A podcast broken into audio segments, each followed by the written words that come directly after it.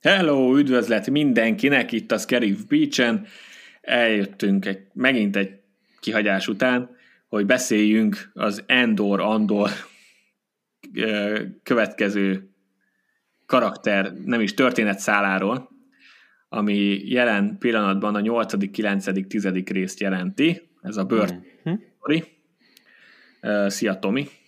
Hello mindenkinek! Itt vagy, mint mindig. Természetesen tisztában vagyunk azzal, hogy a sorozatnak már vége, ettől függetlenül is tartjuk magunkat a tervhez, egy kicsit elszámoltuk végül magunkat, a kihagyással nem számoltunk, így végül mégiscsak utólag fogunk beszélni a sorozatról, de, de még így is külön szedtük a börtönös részt a finálétól. Tehát ma 8-9-10, jövő héten pedig a, a 11-12, tehát a finálénak a két részét fogjuk szépen kibeszélni. Egy röviden igazából. Mm. Nem, nem, nem fogunk olyan nagyon részleteibe belemenni, már csak azért sem, mert a börtönös részen túl egyébként külön energiabefektetésbe telt összeszednünk közösen, hogy mi volt ebben a három részben. És nem azért, mert ez annyira felejthető lenne, hanem azért, mert ez az első évadas történetmesélés annyira szépen egyben van, hogy lehetetlen megmondani, hogy pontosan melyik részben melyik dolog történt meg. Nem sok értelme van. Igen, úgyhogy most se fogunk egyébként, mint ahogy a legutóbb se beszéltünk, részenként erről a, erről a történetszáról beszélni, hanem egybe fogjuk megemlíteni, de attól még azért össze akartuk szedni, hogy a börtönön kívül mi történt, hmm. és vissza kellett rá emlékeznünk, úgyhogy ez a mai projekt, program, programterv, elképzelés, Uh-huh. A, azt még gyorsan itt is hozzáteszem, ha valaki hallgatta a főadásunkat, akkor már tudja, hogy én egy gépcsere következtében átmenetileg nem tudom használni a mikrofonomat, vagy lehet, hogy végleg még kiderül, úgyhogy fülesről vagyok, rá, kénytelen vagyok a füles mikrofont használni, ami azt jelenti, hogy akár jó, akár rossz értelemben, de azért más a hangzásom, és talán ez majd a Tomi mikrofonjához képest fog legjobban érződni, szerint, szerintünk hallgatható ez így is. Úgyhogy bízunk benne, hogy ez, ez nem okoz nektek se nagy problémát, és elnézitek ezt nekem vagy csak most, vagy akár a közeljövőben egy rövidebb időintervallumig, ez majd még kiderül. Na, de akkor hajrá csapjunk bele. A szokásos, nagyon lusta kérdéssel fogom kezdeni, hogy hogyan, hogy tetszett neked ez a, ez a történet szál, kifejezetten ez a börtönös sztori szál, ez a három rész, a nagy, nagy összkép szempontjából, részleteiben mm-hmm. még, még nem feltétlenül kell belemenni, vagy majd ahogy, ahogy alakul, mindegy. Ez a Jó. nyitó kérdés. Jó, oké. Okay. Akkor ö- ezzel a három résszel azt kell, hogy mondjam, hogy teljes mértékben felül, felültem, és továbbra is a utolsó két részre is el fog engem vinni az Andor hype. Mert, mert amíg az előző epizódok kapcsán, meg az elején is még voltak olyanok, hogy, hogy teljesen más a stílus, akkor egy kicsit bele kell szokni, kicsit lassabb. Konkrétan ez a három rész, ez olyan gyorsan lement, nekem, már pedig tehát technikai értelemben és akcióban túl sok minden nem történt, de amiben viszont nagyon-nagyon jó, jó ez a sorozat, a, vagy jó lett benne, azt nem tudom, vagy csak egyszerűen hozzászoktam, ennyire azért nem önreflektáltam, de az az, hogy mennyire jól kezeli a, a thriller hatást. Hogy itt nem a tradicionális értelembe vett Star Wars akció adja a szórakoztató faktort, hanem, hanem tényleg ez a, a jelenetek mögött megbújó feszültség. És nem tudom, hogy ez most a... Tehát e, ez alapvetően ugye az előző heistos részekben is ott volt, ugye erről beszéltünk már, hogy még akkor is, hogyha nem volt ott fizikailag a birodalom, ilyen csillagroboló formájába, de minden egyes alkalommal, amikor a háttérben elment egy tájvadász, akkor annak súlya volt azzal a hanggal, amivel elment. És itt, itt pedig teljes mértékben támogatja egymást az összes, összes sztoriszál. Tehát az, a, az, hogy a, a börtönben mi történik, az, hogy Montmotmával mi történik, az, hogy a, a, az ISB is birodalom oldalán mi történik, teljes mértékben jól követhető, mindegyik épül a másikra, és mindegyikben van feszültség, különböző féleképpen, de mindegyik egy olyan dolog, hogy ilyen, ilyen székszélére kiülős, nagyon koncentrálós, figyelős, és várom, hogy mi történik, mert egyszerűen kiszámíthatatlan. Úgyhogy ez a le vagyok nyűgözve típusú dolog. Uh, én ezt egyébként majdnem szóról szóra meg tudnám ismételni. Még múlt időben is, nyilván már most eltelt jó néhány hét, mióta például ennek a, az árknak az első részét láttam. Uh, az biztos, hogy én az, ele, az első képkockától kezdve imádom ezt a sorozatot, a, és, és ez a, ez a történetszál tudta fokozni.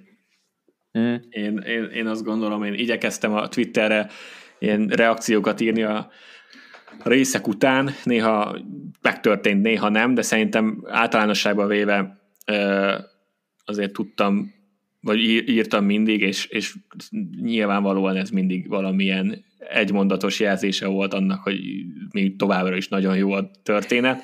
hogy ez mennyire rohadt jó. Igen, uh, hát nem tudom, hogy ezen a ponton egyébként az már csak azért is, mert a Star Wars-os adásaink eleve rövidebbek, hogy a spoilerrel most mennyit szórakozzunk. Uh, én, én úgy gondolom, hogy megint eltelt már annyi hét, hogyha valaki nem látta az Endornak a 8-9-10. epizódját, akkor talán nem nyomna rá egy ilyen podcastre ezen a ponton. Igen, De, de akkor mindjárt jelzem. Egy ilyen nagy big picture pár mondatot én is mondok, és akkor utána szerintem onnantól kezdve teljesen spoileresen fogunk beszélni a részről, részekről. Igen. A big picture nekem is az, hogy ez egy nagyon, nagyon szépen működő történetszál, ami önmagában megállja a helyét megint, tehát ha kiragadjuk ezt a három részt az évadból, függetlenül attól történnek benne olyan dolgok, amik a, a korábbi dolgokhoz, meg a későbbiekhez kapcsolódnak, de maga a börtönös rész az alapvetően megint egy kis mini sztori a sztoriban, ami egy még nagyobb sztorihoz kapcsolódik, és, és én ezt nagyon imádom, arról nem beszélve, hogy a társadalom kritika az megint olyan szinten működik, és itt nem csak az, hogy egy, egy ilyen a birodalomhoz hasonló rendszer uh, hogyan bánik uh, az emberekkel, hanem konkrétan a, a börtönöknek és a, és a raboknak az ingyen munkás uh, használata az hogyan működik a való világban, mm. jelenleg is, uh, idézőjeles legális formában. Ennek a moráljáról is el lehet diskurálni, biztos vagyok benne, hogy sokan azt mondanák, hogy ez így fair. Uh, ez egy, ez egy érdekes beszélgetéseknek adhat alapot alapvetően, nem egy ilyen podcastre, nem egy Star Wars podcastben, de, de egy sorozés mellett szerintem mindenképpen el lehet az ilyesmiről beszélgetni. Én már csak ezért is nagyon imádom. A, megismerünk új karaktereket, ez, ezt, a, ezt a spoilerre fogom tartogatni, hogy az mennyire pozitív volt. Uh-huh. Látunk egy régi új arcot, illetve, sőt, látunk egy univerzumon belüli régi új arcot, és egy univerzumon kívüli régi új arcot, és ah. mindjárt, mindjárt kifejtem, hogy mit mire gondoltam, ha valakinek nem lenne egyértelmű, de, de ez a lényeg. És mindemellett ott van az a kis apró jelenetek amiket beraknak Mommotmával, a politikai rész, ami szerintem lenyűgöző volt az egész évadban, a lutenes mahinálásokat, hogy az a két szöges ellentéte, hogy melyik, milyen aspektusából szervezik a lázadást, és, és volt benne egy a bolygót még nem éreztem meg, de ugye a, hát nem a szülő bolygója, de ahol felnőtt Endor, ahol az anyja van, az a, az a rész, az, az is jó volt, Bixel. Aki, tehát azoknak az embereknek, akiknek a, viselnie kell Endor tetteinek a következményét. És mindezt úgy, hogy egyébként senki nem tudja, hogy börtönben van. és ez, ez egyébként összességében egy nagyon jól működő dolog volt, és mindegyik, ami nem a börtönös rész, mindegyik építette tovább a saját sztori szálát. nagyon, nagyon, nagyon, nagyon kifinomultan és nagyon jól átgondoltam. Úgyhogy ez egy remek három rész volt, de mint hogyha az előző, a, a másik hét az rossz lett volna. Szóval, akkor innentől bele is megyünk konkrétan a, a sztorikba. Mm a sztoriba magába, úgyhogy innentől spoiler, mindenki figyelmeztetve lett. Ha valaki tényleg valamiért még most akarta spoilermentesen meghallgatni a gondolatainkat a sorozatról. Szóval, story és meglepetés. Kezdem a legnagyobbal, ami egyébként nem kapcsolódik feltétlenül a sztorihoz, bár egyébként rá tudjuk majd fordítani a sztoritra a karaktere révén, de Andy Serkis mi, mi, volt a, mi volt a reakció, és hogyan, hogy tetszett a karaktere? Hát ö, hosszú idő telik el, míg az első rendnek a supreme uralkodója lesz. Kell egy kis arcretusálás, meg egy kis plastikai sebészet, de hát Star Warsban semmi nem lehetetlen, meg egy kis erőérzékenység. Remélem addigra megtanul úszni. Uh... Igen, szerencsétlennek szerintem a, a, miután kiderült, hogy benne van a sajtó kérdéseknek a fele, az valószínű az volt, hogy akkor most, most ez Snoke, vagy nem Snoke, és szegénynek mindig el kellett mondani, hogy ez nem Istenem, Snoke. Nyilván nem. Ez az előnye, hogyha egy digitális karaktert játszol, mert utána a saját arcoddal is egy másik szerepre castingolhatnak, ugyanabban a franchise-ban. Igen. Igen. A, az, az elején nekem nagyon furcsa volt. Tehát a, nem azért, mert nem bírom, tehát nyilván Andy Serkis körülbelül az egyik legkedvencebb színészem, itt a, az összes ilyen mókepes szerepét beleszámítva, onnan indulunk, és azért a közelmúltban már a, a normális emberi alakjában való szerepeit is bírom, és benne van az összes ilyen nagy franchise-ba, nyilvánvalóan ő is, de ez engem alapvetően nem zavar. Engem például nagyon meglepett, hogy így ennyire nem követtem, meg nyilvánvalóan ez már a social médián, meg mindenféle ilyen mémekben már tudja, hogy előjött. Hát mire hogy... te nézted addigra, igen, de alapvetően mindenkinek meglepetés volt, hogy ő felbukkan. Igen. Tehát senki nem tudta, nagyon, nagyon jól titkolták a, az Endor castingot egyébként. Igen. És ez király is volt. És körülbelül azt mondanám, hogy egy nettó 5 perc kellett, és ez még lehet, hogy egy kicsit sok is, hogy, hogy azt mondjam, hogy ez jó lesz, ez jó lesz. Tehát ö, nyilvánvaló volt, hogyha már Andy Serkis behozzák egy ilyen szereple, akkor nem olyan szintű mellékszereplő lesz, hogy ő lesz most a, nem tudom, az aktuális kis geci, aki csicskáztatja ott a, a rabokat, hanem tényleg lesz valami, valami funkciója, valami, valami több. Én ebben tiszt, ezzel tisztában voltam, és az elején úgy nagyon egy oldalon indult, hogy izé, én vagyok ennek a nem tudom, összeszerelő csarnoknak a vezetője, vagy nem tudom, nem tudom, hogy milyen, én felelősségem minden, és akkor gondoltam, hogy nem csak ennyi lesz, hogy feltűnik, és csak a háttérben kiabál, hanem azért egy kicsit mélyebb karakteríve lesz, az nagyon tetszett. Tehát a, e, és e, a legelején erre mondtam, erre is ráfűzhető ennek a sorozatnak a, a feszültségi foka, és az, hogy mennyire váratlan dolgokat tudnak meghúzni, hogy egy nyilvánvaló egy ilyen szintű hát hírnévvel rendelkező színészt, hogyha behozol egy ilyen sorozatba, akkor az az alapvető elvárás, hogy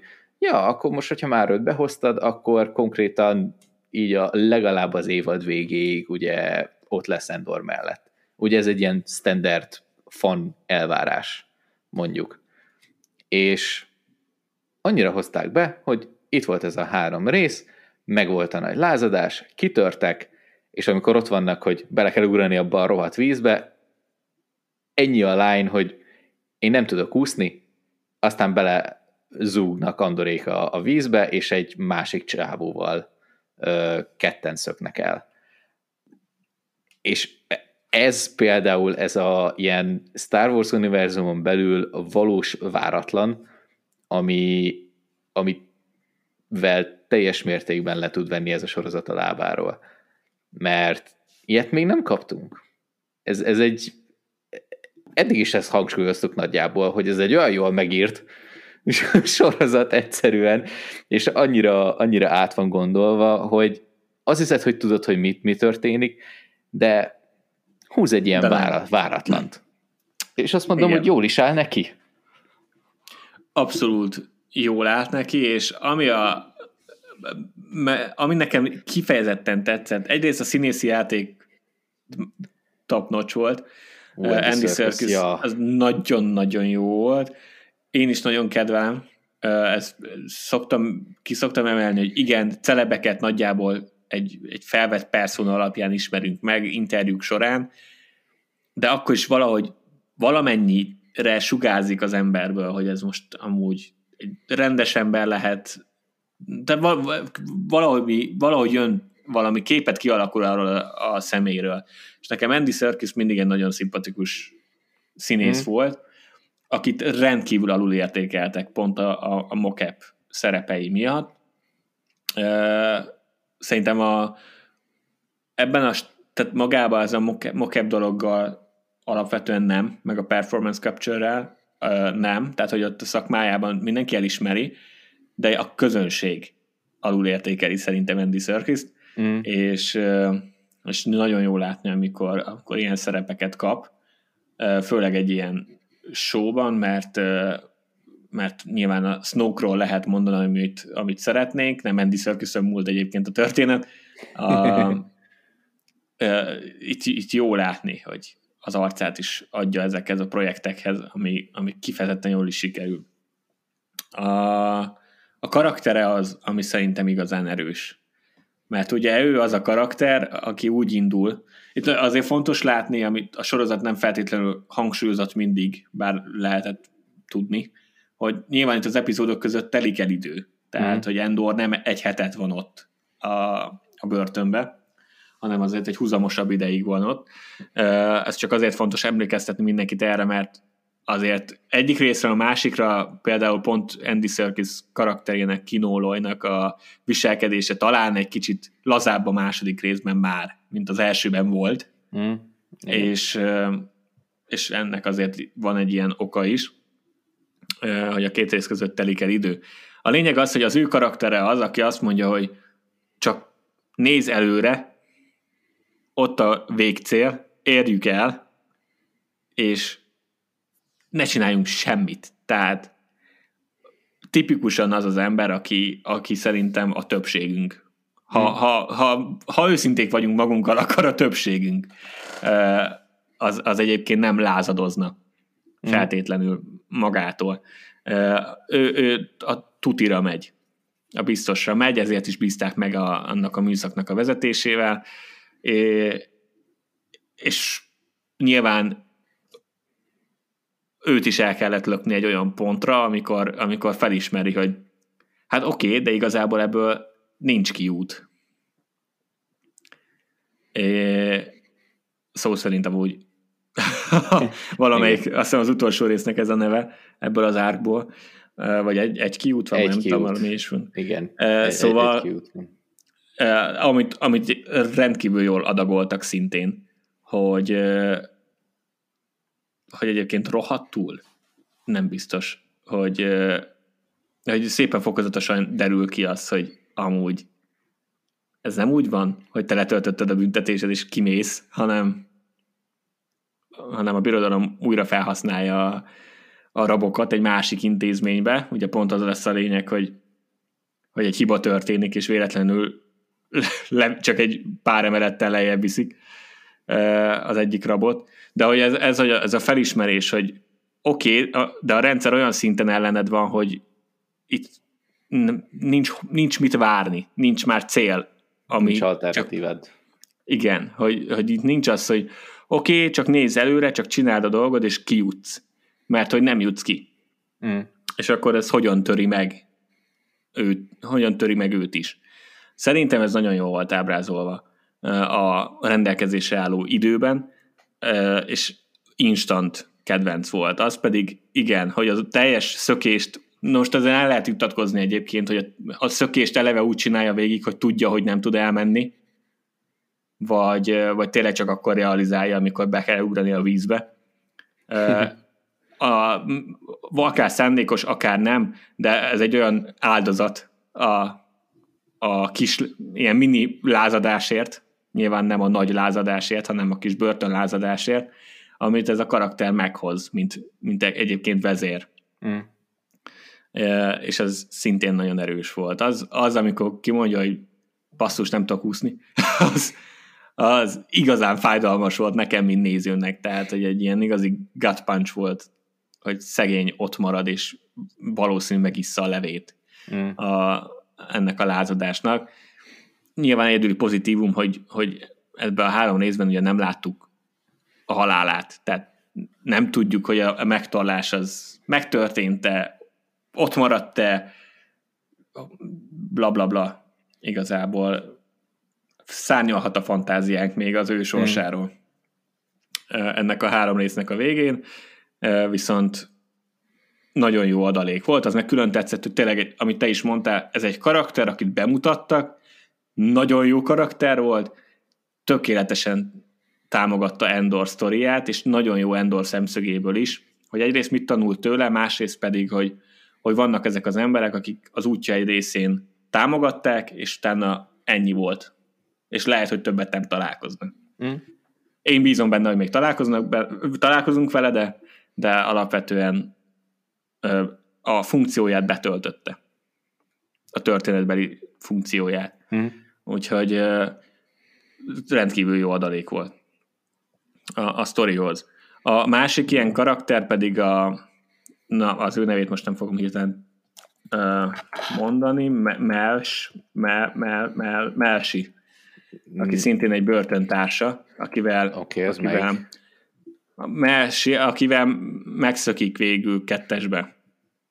Ah, aha, igen. a, a BFF haverja, na ő a másik visszatérő, ő, az univerzumban belüli visszatérő, ugyanis Mersi a Zsivány egyesben benne volt. A oh. Scarifre ő vezeti, a, ő az egyik ilyen csapatvezér, akivel beszélnek. Ami nyilván a Zsivány egyes után nekünk csak egy random lázadó katona, de innentől kezdve most már egy kifort karakter, Ja. egy tényleges karakter, rá lehet majd keresni Mersire, a Zsivány egyesben benne van, uh, Scarif, Scarifen ott van, hát nyilván ezzel együtt tudjuk a sorsát. Uh, de, de ez is egy jó adalék volt ehhez a, ehhez a történethez. Mm. A, a, börtönös részben nyilván ez a legnagyobb része a történetnek, ennek a három résznek. A maga az, hogy érdekelte, hogy mit szerelnek, és azon túl, ez csak egy random kérdés, és azon túl maga az, hogy hogy épült fel a, a szökésig a dolog, Mm. hogyan vonták be az embereket, hogyan kommunikáltak egymással a, a rabok ott a folyosókon, a kézjelezés, a, maga a szökés, ez, ezek, ez a része, hogy tetszett a, az epizódnak, ami már Ah. ezzel konkrétabb elemei. A, a, a maga a szökés ez nagyon távolról egy ilyen Shawshank redemption történet volt itt a fogok valami kis cuccot, és akkor minden egyes alkalommal, amikor kimegyek a WC-re, akkor megpróbálom elvágni ezt a vízcsövet.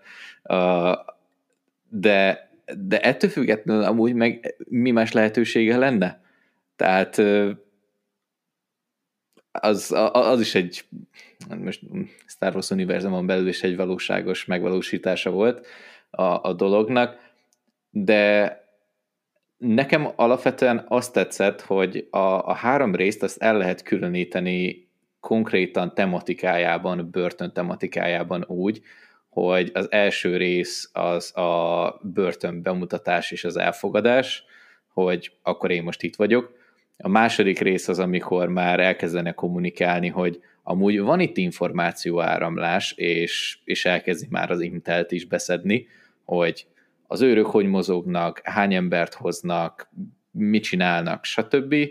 És akkor ugye már ott benne van a rutin, hogy akkor tényleg mindig így csinálnak, mindig így csinálják a dolgokat, és hogy csak egy pici eltérés van a rutinban, azt mennyire feltűnő, és a, ugye a harmadik rész az pedig már a, a célzottan a szökés. És nekem, nekem ez az egész build-up e, ebben a leosztásban így nagyon tetszett. Tehát, hogy nem, nem volt egyből az, hogy bekerül a börtönbe, és, és azt mondja, hogy hát én nem, innen pár pedig rohadtul kiutok, és nem állít meg senki, és egyből elkezdi rekrutálni az embereket, hanem nem. Először volt egy kis megtörés, hogy Dick, én most itt vagyok, és akkor a következő részekben pedig ez a oké, okay, akkor akkor csináljunk ellene valamit, és így szépen lassan építsük ezt fel. Ami kifejezetten erős volt, azt nem tudom, hogy beszéltük a hetedik rész kapcsán, de tényleg az, hogy Endor ugye elpróbál menekülni a, a rablás után.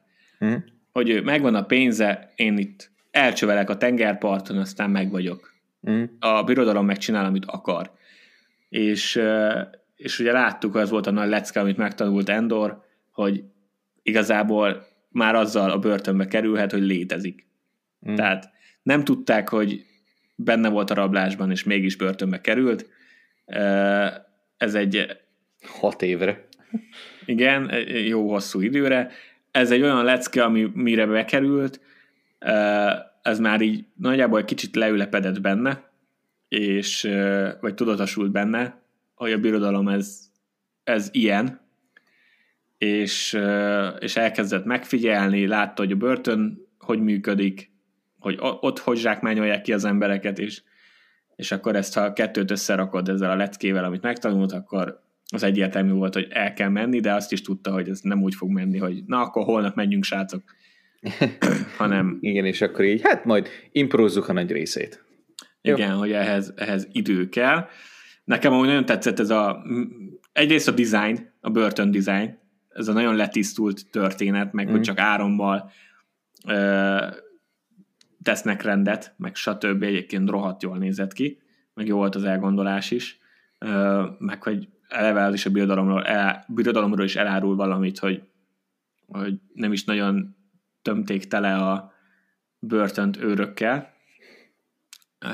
Ennek is nyilván megvannak az okai az, hogy most a börtön lakókat nem nézték ennyibe, vagy csak az, hogy nyilván itt hatalmas birodalmi építkezés zajlik mm.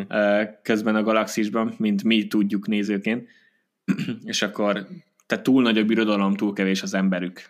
Ez minden nagy birodalomnak a bukását ide lehet egyébként visszavezetni a valós, valós történelembe is, Igen. hogy túl voltak feszítve a határok de ez most lényegtelen, a, tetszett az egész börtön. Az, hogy építettek, hogy megvolt a bejáratott csapat, az asztalok, mm. és akkor hogyan segítik egymást, ami igazából muszáj is segíteni egymást, mert különben megbassza őket az áram. Ez egyébként egy, egy nagyon kiváló és félelmetes adalék volt a, a sztorihoz. A szökés rész pedig kifejezetten erős volt, olyan szinten, hogy tényleg én, én feszült voltam végig. Mm. az egy óra alatt, hogy mi fog történni, kimaradott, azért nyilván bemutattak a három rész alatt néhány ilyen kis mellékszereplőt, aki, aki ugye nem jut ki, és, és őket azért tudod sajnálni. Uh-huh. Már a három rész alatt is. Ott is a, az, hogy hogy bánnak a birodalmiakkal, a kinónak a beszéde, hogy egy kiút van, nagyon erős volt. Szerintem amúgy az a rész. Talán az egyik legjobb volt. És ja, ez, ez, ez bitang jó volt, és csak a börtönös rész az gyakorlatilag volt egy eleje, közepe és vége, tehát, tehát tényleg egy, egy konkrét sztori uh-huh. a, a sztorin belül. Úgyhogy, ja. Van-e a börtönös résszel valami egyébként? Nyilván itt vannak ilyen tematikus dolgok, amikre el lehetne merülni, de mi, mi nem az a podcast vagyunk. Nagyon sok mindenről el lehetne filozofálni is csak ennek kapcsán, de, de még történtek a, a részekben azért dolgok, azokról is szeretnék egy picit beszélni. Uh-huh. Úgyhogy ha nincs más a börtönöshöz a részedről. Nincs. Akkor térjünk rá, hogy mi történik a börtön mellett. Ez az, amiben kellett a, a segítség gyorsan adás felvétel előtt. Igen, visszakeresni, hogy mi volt. Hogy, hogy igen, hogy mi volt. Kezdjük, nem tudom, kezdjük Motmával. Itt, itt elég sok mindent be tudunk venni. Ő az anyagi dolgokkal szenved, ami nagyon érdekes, mert az Endor az közel sem egy családi sorozat. Tehát az, ez, ez egy témájában felnőtt sorozat, ami azt jelenti, hogy nem kell belemesztelenség, meg vér, akkor is egy felnőtt sorozat, mert a témája felnőtt. Tehát szeretném leültetni a, az öt éves vagy hat éves gyereket az Endor elé, és aztán megkérdezni, hogy na, akkor légy szíves, magyarázd el, hogy Mommot ma mit csinál. Mert szerintem ez még felnőttektek is gondot okozna, hogy, hogy pontosan mi a probléma. Tehát ez a pénzügyi e, csalás, cselszövés, stb. E, de hogy ez ugye oda vezet a kis haverjával, akit hozott, hogy segítsen neki, hogy le kell paktálni egy, egy olyan emberrel, akivel nem szeretne. Hát bűnözővel igazából. Gyakorlatilag egy ilyen ilyen, ilyen szakértő bűnözővel, aki ilyen pénzügyi, nem is tudom, biztosan erre egy jó szó, aki, aki meg belekényszerítené egy olyan szituba ennek mentén, ami, ami a sajátjához hasonló helyzetet teremtene, ugye nevezetesen ez a saját bolygójának a szokása, hogy 15 évesen összeházasítják valakivel, ami, aminek szintén vannak nyilvánvaló életbeli kulturális alapjai. Ez megint felhozza azt a dilemmát, hogy mit áldozol fel a lázadásért, a, a nagyobb jóért. Ez a részen neked, neked hogy tetszett? Ismételten, tehát ez a, ez a feszültség. És, és szerintem, és nem tudom, érzésre, még ez a mondmotmás szál, ez még most kezd így egyáltalán beindulni. És gondolom, hogy még nem ebben az évadban, de a második évadban ez még inkább ki lesz fejtve, hogy, hogy az ő az ő része mennyire feszült, és, és az, hogy milyen megpróbáltatások elé vagy milyen megpróbáltatások fogják őt érni, nagyjából ez egy ilyen ízelítő. Ez, a, ez az ilyen kis puhatolózós rész, hogy akarja csinálni, de amúgy még, még nem nyíltan akarja csinálni, és akkor még kicsibe próbálkozik. Ez a, ez a szervezünk egy lázadást, de még nem tudjuk pontosan, hogy hogy, és hogy kell nagy üzembe csinálni, úgyhogy még a legkisebb lépések is problémába ütköznek most az egy dolog, hogy ebből egy, ilyen, egy ekkora mm, ekkora kockáztatás, vagy egy ekkora, ekkora áldozat van a másik oldalán, de összességében minden egyes pillanatot, amit Monmotvával töltünk, én azt nagyon bírom, mert, mert ilyen nagyon mikro színészi játék kell hozzá, mert abban viszont tényleg egyáltalán semmi akció nincs, hanem az, hogy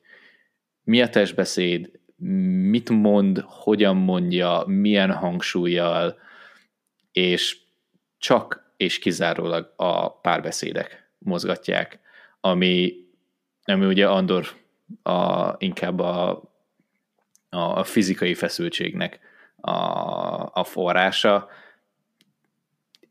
Nagyjából ez a ilyen tökéletes kiegészítése a főszálnak. Ö, igen, ezt igazából nem, nem tudom én se jobban megfogalmazni, ez egy, ez egy nagyon fontos része a, a, a sztorinak. Ugye ehhez még hozzájön az az adalék, azt kifelejtettem az, elég, az előbb, hogy van egy ilyen kis történetbeli csavar, ami azt hiszem, hogy csavar, hogy ugye kiderül, hogy a, a karakter, aki a rablást vezette, a neve most nem jut eszembe, szóval az a karakter, az, az Mommotmának egyébként rokona. Igen. Ez, ez, egy, ez egy jó adalék volt. Én amennyire ismerlek, ne, ezzel kapcsolatban neked nincsenek erős érzelmeid, de ettől függetlenül ez egy jó adalék, jó adalék volt a, a sztorihoz, meg egy jó kis csavar igazából, ilyen, vagy ilyen reveal. Um, az mindenképpen érdekes, hogy akkor ez a testvér, nem testvérpár, de hogy ez a... Szerintem nagy, nagy néni. Nagy... Szerintem amilyen rokon, ez a rokoni Out páros, ez, igen, rokon ez, volt, ez, hogyan, az a ez hogyan, hogyan áll a, a kérdéshez, és, és ott is megvan az, hogy az egyik kicsit inkább Lutherhez hasonlít, az egyikük, és, és a másikuk pedig itt a, a pénzügyi és politikai részt nyomja. Monmot meg kapcsán egyébként nagyjából egyetértek minden, amit mondtál, én ezt nem akarom húzni. A színészi játék már itt nagyon erős, de majd a finálé két részében, amiben benne van Monmot, az ott igazán durva lesz. Szerintem az erkölcsi része, a, vagy morális kérdés az, hogy, hogy te beházasítanád e a lányodat így, bár mondjuk nyilván a lázadás. Itt, itt a, a lázadásért, a nagyobb jóért, mm. az, egy, az egy nagyon érdekes kérdés lehet, amivel nyilván neki meg volt a zsigeri nem, de aztán tudjuk, hogy az valahogy a színészi játékból annyira látszódott, hogy de sajnos tényleg elgondolkozott rajta, mint ahogy mondja is ez a köcsök kifelé menet, hogy ez egy, ez egy nagyon érdekes kérdés, és, és nagyon szeretem, hogy ez a sorozat ezt feltette ezt a kérdést. És, és ehhez bejön ez a mikroszínészi munka, ahogy te mondtad, hogy mindent leolvasol az arcáról, szerintem nagyon jó volt. A, és közben az, egész... az a feladata, hogy semmit ne olvassanak le az arcáról. És közben, tehát hogy igen, tehát hogy jól eladja, hogy uh, nem, de hogy nem, nem olvasol le semmit az arcáról, de közben te, mint néző, mégis tudod, hogy mire gondol. Ami egy ilyen szinte lehetetlen feladat. Ez egy nagyon durva koncepció. és, és, és mégis valahogy sikerül ezt, ezt, ezt megugrani. Nekem nagyon-nagyon tetszett ez a, ez a történet. Plusz Mommotnál még volt itt egy, megint egy szenátusi jelenet, ami megint csak azt támasztott alá, hogy az égvilágon senkit nem érdekel semmi jelen mm. pillanatban itt a birodalmi szenátusban, azt nyilván itt is lehet való életbeli párhuzamokat húzni, de de a sztori az univerzumon belül is ez egy remek dolog volt, jól illusztrálta, hogy, hogy egyébként teljesen Don Quixote féle szélmalom harc a szenátusban bármit is elérni. Hmm. A másik szál, több vagy több is van, végigmegyünk az összes többin. Lutent hagyom a végére, mert talán ott megint elidőzünk egy picivel többet, mint a többin. Menjünk vissza Bixhez, meg Marvához, Endornak az anyjához, akik okay. közvetve vagy közvetlenül isszák Endor következményeinek a levét. Itt igazából nem akarok végigmenni mindenen, láttuk, hogy Márva az elindult a lázadás útján, az aktív lázadás útján, így vénlány korára, amit tudtán kívül is Endor, Endor ikletett, igen. Az egyébként egy fontos aspektus az egész sorozatnak, meg majd a következménye is. Az lesz, Uh, itt még talán, amit kiemel, én itt ebből most kifejezetten a Big Sash részt emelném ki, mm. uh, meg a birodalomnak a, a kegyetlenségét.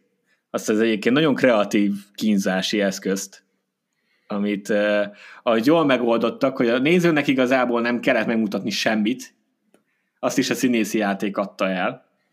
Viszont maga a koncepció, amit a fülébe raknak, az kegyetlen. Tehát, hogy az, az igazán brutális, és nagyon durva, és egyúttal kreatív. I- igen, és ez a, az erőforrás fölény mutatja, úgy általánosságban. Tehát, hogy van egy birodalom nagyjából végeláthatatlan forrással, és, és az egész jelenetben nekem az volt a leg... Hát nem tudom, hogy mennyire durva, de maga a doktor, hogy a, a, a Dokinak a, a karaktere, aki olyan szintű ilyen nyugodt racionalitással meséli el, hogy ez micsoda, hogy amúgy tökre elhiszed, hogy ő csak a tudományos dolog érdekli. Most az, hogy konkrétan a birodalom alkalmazza embereken, hogy információkat kiszedjenek belőlük, és ez egy adott esetben egy kínzási módszernek felel meg. Én egy percig sem gondoltam, hogy ő ezt így élvezi, vagy valami, hanem ez így ez a, ez a munkám része. Hát ez nem, ez kicsit olyan, hogy ez, ez tudományosan tök érdekes, nem? Igen. igen és Hagy mutassam meg. Az, hogy te szenvedsz közben, az meg pont nem érdekel. Igen. De, de nézd meg, hogy mit alkottam. Ez egy tök jó cucc. és az az érdekes, hogy a, a birodalmi csajnak a karakterét meg úgy csinálták meg, uh, Dedra, vagy Didra, nem tudom pontosan, de már ennyit tudok róla. Uh, szóval az ő karaktere is fantasztikusan lett kitalálva, ugyanis amikor a birodalmi közegben látod, akkor szurkolsz neki, hogy, hogy a, több, a társai győzze le, mm. meg hogy emelkedjen fel. És amikor látod a hőseinkkel az interakcióit, meg úgy alapból, hogy hogyan viselkedik a galaxisba, akkor meg gyűlölöd. Tehát, hogy ez Jó annyira zseniálisan, zseniálisan megcsinálták. Ez, ez nagyon tetszett, ez a Big Race, ez, ez megint színészi ötös volt mm. a, a színésztől mert, mert azt nagyon eladta, és jó volt látni, hogy közben a, az a bolygó, ahonnan Endor jött, vagy ahol felnőtt a Marvel mellett, az, az hogyan kerül fokozatosan birodalmi ö, lakat alá, ami mind Endor következmény, tehát ennek a következménye. Ez, ez, ez egy nagyon fontos dolog az évad szempontjából is, és, és, és jó jelenetek voltak. Hmm. A következő, amiről akarok beszélni gyorsan, az a maga birodalmi rész. Ugye most egy Aha. kicsit említettem a, a csajt, illetve a, Cyril-t, a műzli evő kedves, kedves anyukával rendelkező Cyril Khan-nak a, azt hiszem, hogy így hívják, a, a karaktere, aki... Erőteljesen igen, creepy vált aki nagyon, nagyon creepy vált. Ugye van az a kihallgatós jelenet, amikor azt hitted, hogy ez lesz akkor a gonoszoknak a, a team upja, mm. hogy akkor itt fognak majd szövetkezni.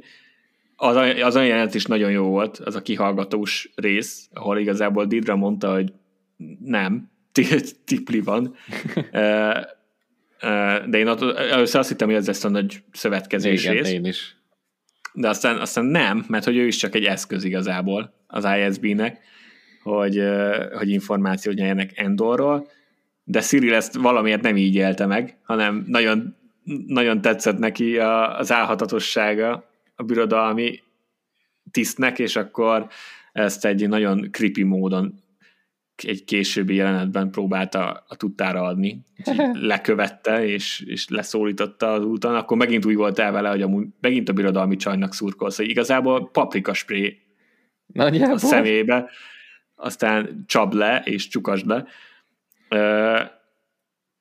Az egy érdekes történet volt szerintem, mert egy nagyon más úton, de megint egy igazából sokkal valódibb úton mutatta meg, hogy valaki hogyan pártol az egyik oldalra, mint akár más ö, sorozatok vagy filmek szokták. Tehát ez, ez szerintem egy sokkal valódibb útja a, annak, hogy néhányan hogyan lesznek fanatikusok. Mm. Mert valamilyen szinten, ha le akarod egyszerűsíteni, hogy Cyril az igazából rendet akar a káoszban, tehát ő nem, gono, nem érzi magát gonosznak egy percig sem. Ő úgy van vele, hogy, hogy Endor a káosz, rendet kell tenni. Ő igényli ezt a rendet, és ezért az ő fejében igényli a birodalmat, mert hogy a birodalom a rend. Mm. Azt, hogy ezt a rendet mi alapján, vagy minek az árán érik el, na hát ez a probléma. De viszont ez az, amit őt nem érdekel. Szerintem ez egy ez egy érdekes kérdés, vagy egy érdekes karakter szintén. Mm. Amit jól érzékeltetnek, csöpögtetnek a sok műzlélés közé. Igen, nagyon, hát alapvetően ugye kevés párbeszédből dolgozik, viszont a, ami párbeszéd van, az, az eléggé lényegre törő ebben a tekintetben, és tényleg így elkezdi megalapozni. Kíváncsi vagyok, hogy az utolsó két részben amúgy lesz-e bármilyen szerepe, de ha nem lesz, akkor, akkor abban viszont biztos vagyok, hogy a következő évadban még visszahozzák, és akkor ott lesz valami, vala, valamilyen útja még. A, a birodalmi részeknél még azért az ISB is szerveződést én ezt egész évadban imádom. Én nagyon szeretem, hogy a birodalmi részt látjuk, a birodalmi oldalt. Az és, nagyon gyönyörűen és, eszkalálódik. Ahogy tervezik, hogy oké, okay, akkor itt van egy rebel, egy, egy ilyen lázadó sejt, akkor egy, hagyjuk nekik az akciót, de akkor tudjuk, hogy meg fogják csinálni, de akkor uh, mi legyen, ez, ez Igen, és ugye onnan indultunk ki, hogy, hogy van a csajnak egy, egy ilyen érzete, hogy ez, vagy egy ilyen érzése, hogy ezek a dolgok összefüggenek, és hogy van valami, van valami szervezettség ezek mögött az akciók mögött, és akkor elsőnek az, hogy meggyőzi akkor ezt a tanácsot, vagy nem tudom, hogy mi, bölcsek mhm. gyűrűjét, de nem, valami tisztek, csak gyűrűjé. igen, hogy, hogy ez tényleg... Hogy itt van valami, igen. Itt van valami, ezt figyelni kell, ezt monitorozni kell, és ezzel kell valamit kezdeni, mert konkrétan ez a munkájuk, hogy megvan ez a meggyőzés, és utána pedig szépen eszkalálódik a, a történet, mert nekem például a fejemben nagyon megvan az a kontraszt, a, ahogy kezdődött ez az egész sorozat, hogy a nagy főmuftival, ott a, az ISB-s főnökkel az elején azért voltak konfliktusok. Az egy dolog, hogy úgy hallgatott a csajra, hogy hm, lehet, hogy amúgy van benne valami, meg potenciál, stb., de de azért kellett egy jó idő a meggyőzéséhez, és ugye eb, ebben a részben, azt már nem tudom, hogy melyik részben volt az, amikor ezt a, a lázadó pilótát fogták el, és utána meg ugye eltusolták, hogy mi történt.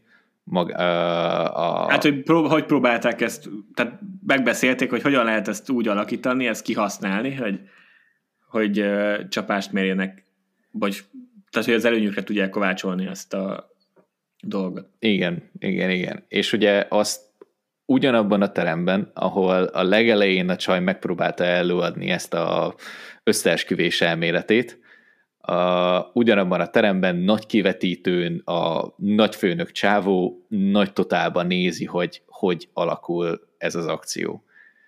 Nekem ez a kettő annyira ilyen kontrasztban van egymással, és egy pár rész alatt annyira el lehet hinni, hogy ja, oké, okay, akkor most itt, itt a birodalom is elkezd beindulni. Hát igen, egyébként itt is fontos emlékeznünk arra, hogy mint ahogy a börtönbe látjuk, hogy telik az idő, nyilván az összes szálon telik az idő. Uh-huh. Ezek, ezek nem napok alatt történnek amúgy, amiket látunk itt a különböző részekben. Én imádtam a birodalmi szervezkedést, én nagyon szeretem ezt a, ezt a részét, hogy látjuk a történetnek.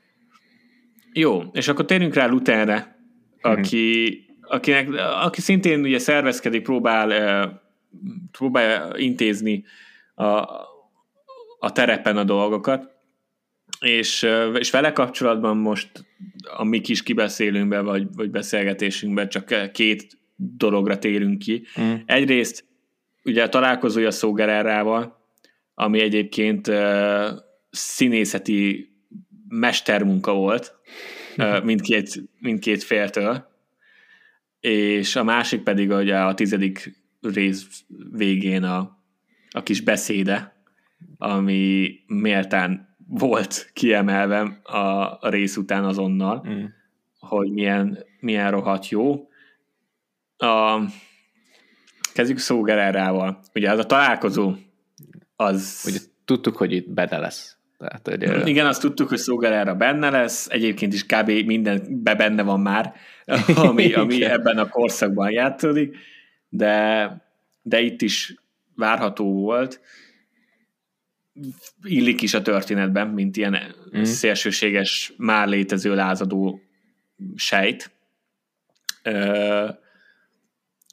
Az ő párbeszédük nagyon jó volt, mert már kialakult az ideológiai különbség, vagy látod az ideológiai különbséget, és, és látod azt, hogy mi a mi a különböző hozzáállásokból fakadó dolgok, meg, meg az, hogy egyáltalán Szógerára a csapat, amit itt ezen a ponton uh, hogy áll. Tehát, hogy eléggé eléggé erőforrásokban szűkölködő csapat benyomását hát ilyen, ilyen szeretvedett, tehát hogy nagyon a maga a, a Hát nem etikai része, hanem tényleg ez a, a hozzáállásbeli különbség, ugye itt is szógeneránál azért erőteljesen radikális, és ehhez képest amúgy meg nagyon kevés forrással rendelkeznek, de nem. Tehát ez, ez, ez sem rettenti el. Igen, egyébként itt jó volt látni azt, hogy amíg Luten az erőszakosabb az ő és Mommotma kapcsolatában, addig itt, amikor egy Szógerárával talál, találkozik, akkor ő egy kicsit megfontoltabb, meg körbefontabb a, a kérdésben, és, és nem olyan ö, egyértelmű, mint, ö, mint mondjuk azt gondolnánk a másik interakcióiból. Az, a, az egész dialógus egyébként nagyon jól meg volt írva megint, mm. a, ahogy, ahogy beszélnek a, magáról a lázadásról, meg a, meg a teendőikről, az azt gondolná az ember, hogy ebben a három részben ezt nem fogják felülmúlni, aztán, aztán persze, de uh, én egyébként Szógerára úgy gondolom, hogy egy, megint úgy nőtte ki magát a Clone Wars-nak abból az egy történet szálából, hogy igazából észre se vettük. Tehát, hogy egy nagyon természetesen kialakult ez, hogy mindenben benne van, okay. mint, egy, mint ez a nagyon szélsőséges harcos. Hát lassan már ilyen terrorista típusú. Hát gyakorlatilag igen, igen. Ő, ő lenne a, a technically jó oldalon harcoló terrorista, tehát eh, hogy igazából a jó oldalon rossz módszerekkel ö, dolog, és, és ö, szerintem amikor egy sorozat ilyen mértékben, meg ilyen komolyan foglalkozik, meg ilyen realisztikusan idézőjelben valamivel, akkor az ő az ő nézőpontja egy nagyon fontos, és szintén a való életben elég frekventáltan reprezentált dolog.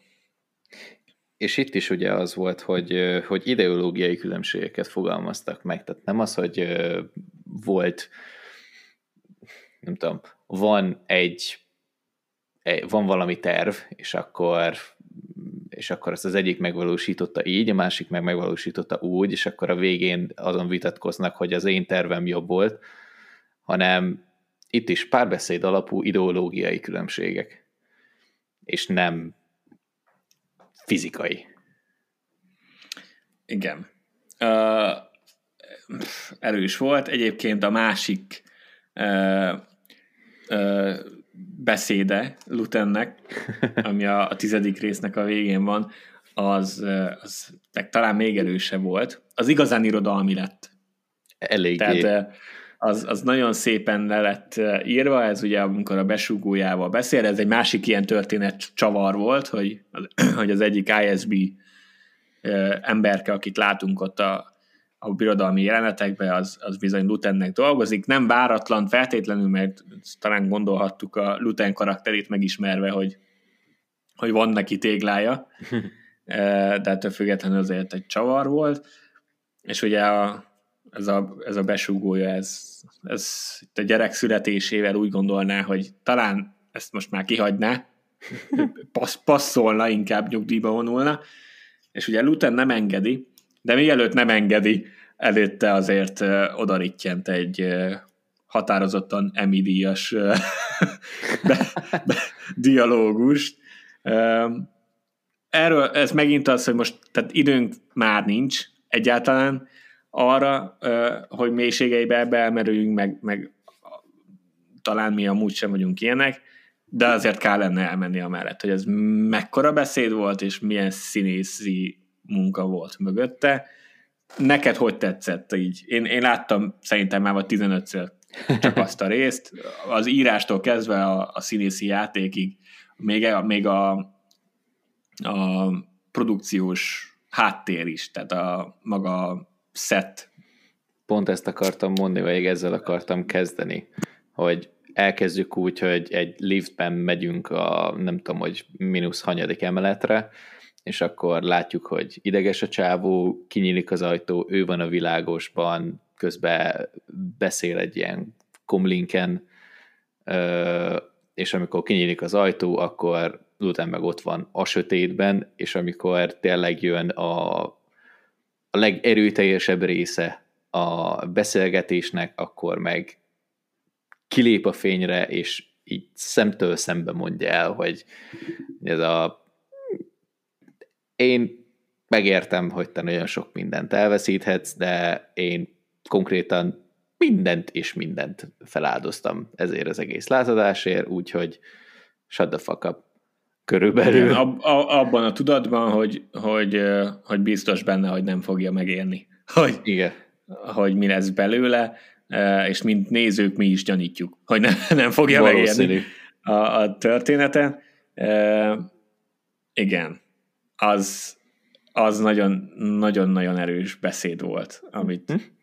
letolt a végén. Pedig alapvetően úgy voltam vele, hogy az a szerencsétlen csávónak született egy babája, teljesen érthető. Hm? Tehát igen. Alapvető, alapvetően mellette állsz, I- de aztán csak lerítjenti azt a beszédet, ami után úgy vagy vele, hogy hát végül is igen, a, a nagyobb jó, ugye ez a nagyon capslockos nagyobb jó kijelentésért, ahogy már beszéltük Mommot már is, hogy igen, hát mit áldozunk fel érte, és mit kell feláldozni érte. Hmm.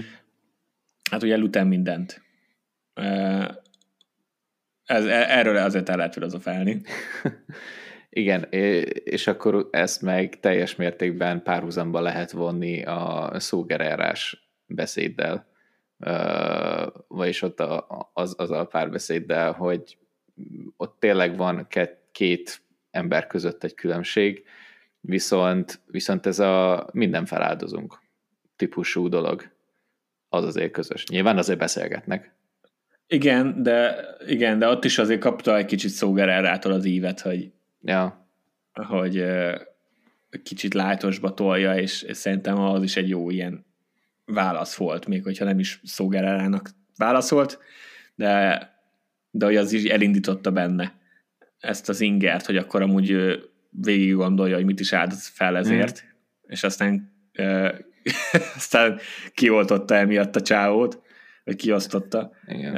elég rendesen, de hát amúgy az egész, ez az egész történet száll ezekről a, az áldozatokról szólt. Ugye Kino Loynál is az áldozat, amit nem, nem a nagy lázadásért hozott, de, de azért áldozatot hozott, meg, meg ugye Luten, meg Szógerára, mm. meg Mommotma, tehát azért ez, ez egy ilyen, ilyen központú három rész volt.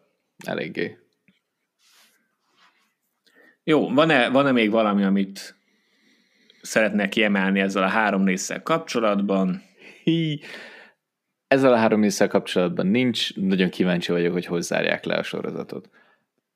Azért, mert annyi social media infót már kaptam, hogy, a, hogy elméletileg a, a finálé epizód az rohadt jó lett, és ennek a, ennek a három epizódnak a fényében nem tudom, hogy ez hogy lehet egyáltalán lezárni. Tehát azt se tudom, hogy merre fog egyáltalán elmenni maga a sztori mert ugye itt a tizedik résznek a végén csak annyi volt, hogy Andor meg ez a, nem tudom, hogy kicsoda, aki a Zsivány egyesbe is volt. Ne, a másik. Igen, ő, ők ugye futnak. Igen. És, és El. ennyi. El. Ja. És akkor hogy jutnak el másik bolygóra? Hogy maradnak? Semmi. Nagyon. A, a következő rész lesz az, ami összerakja a dolgokat, ami megterít a finálénak, és akkor tudni fogod, hogy mi lesz a fináléban, és a finálé jön, és függetlenül attól, hogy tudod, hogy mi lesz benne, hozza a good stuff-t. Úgyhogy igen, én is csak megerősíteni tudom, hogy zsír. Hogy nagyon erős lett a finálé. Mi nem szoktunk rangsorolni semmit, de, de potenciálisan a legjobb rész. Az eddigi jó minőséget akkor viszi tovább. Így van, hát ez, ez konzekvens volt, vagy konzisztens volt a, az egész évad során. De akkor ezt még megnézed. Meg hát. Jövő hétig, és akkor jövő héten kibeszéljük az utolsó két részt is, és akkor ezzel letudtuk a, ha megkésve is, de letudtuk az Endor kibeszélőt, melyet követően pedig nem is tudom, mi lesz majd a következő dolog, a Bad Batch második évad, vagy a Mandalori, majd, majd kiderül. Valahogy majd folytatjuk a Scarif Beach, Scarif Beach-et is. Lehet, hogy nem hetente, de, de azért fogunk jelentkezni ezzel is. Addig is pedig megköszönjük a megtisztelő figyelmet, reméljük, hogy visszatértek a jövő héten is, illetve azt is reméljük, hogy visszahallgatjátok néhány adásunkat, beszéltünk már pár Star Wars-os dologról, igazából a Mandalori második évad óta minden Star Wars-os ö, sorozatról csináltunk ilyen kibeszélőt, illetve filmekről is beszéltünk, meg csak random Star Wars témákról is, úgyhogy lehet bőven válogatni. A könyvek vannak egy kicsit parkolópályán, én olvasom őket, de, de egyedül meg nem akarok beszélni a vakvilágba. Az elején megpróbáltam, de, de nem volt tartós. Szóval van mit hallgatni azért így is, illetve van egy filmes, sorozatos főadásunk, ami az Ananász Filmklub, ott is azért lehet válogatni már a visszamenőleg a témáink közül, szóval hallgassatok bele abba is. Egyébként pedig legyen szép napotok, hetetek, hónapotok, attól függ, hogy mikor hallgattok minket, vagy évetek is, és sziasztok! Sziasztok!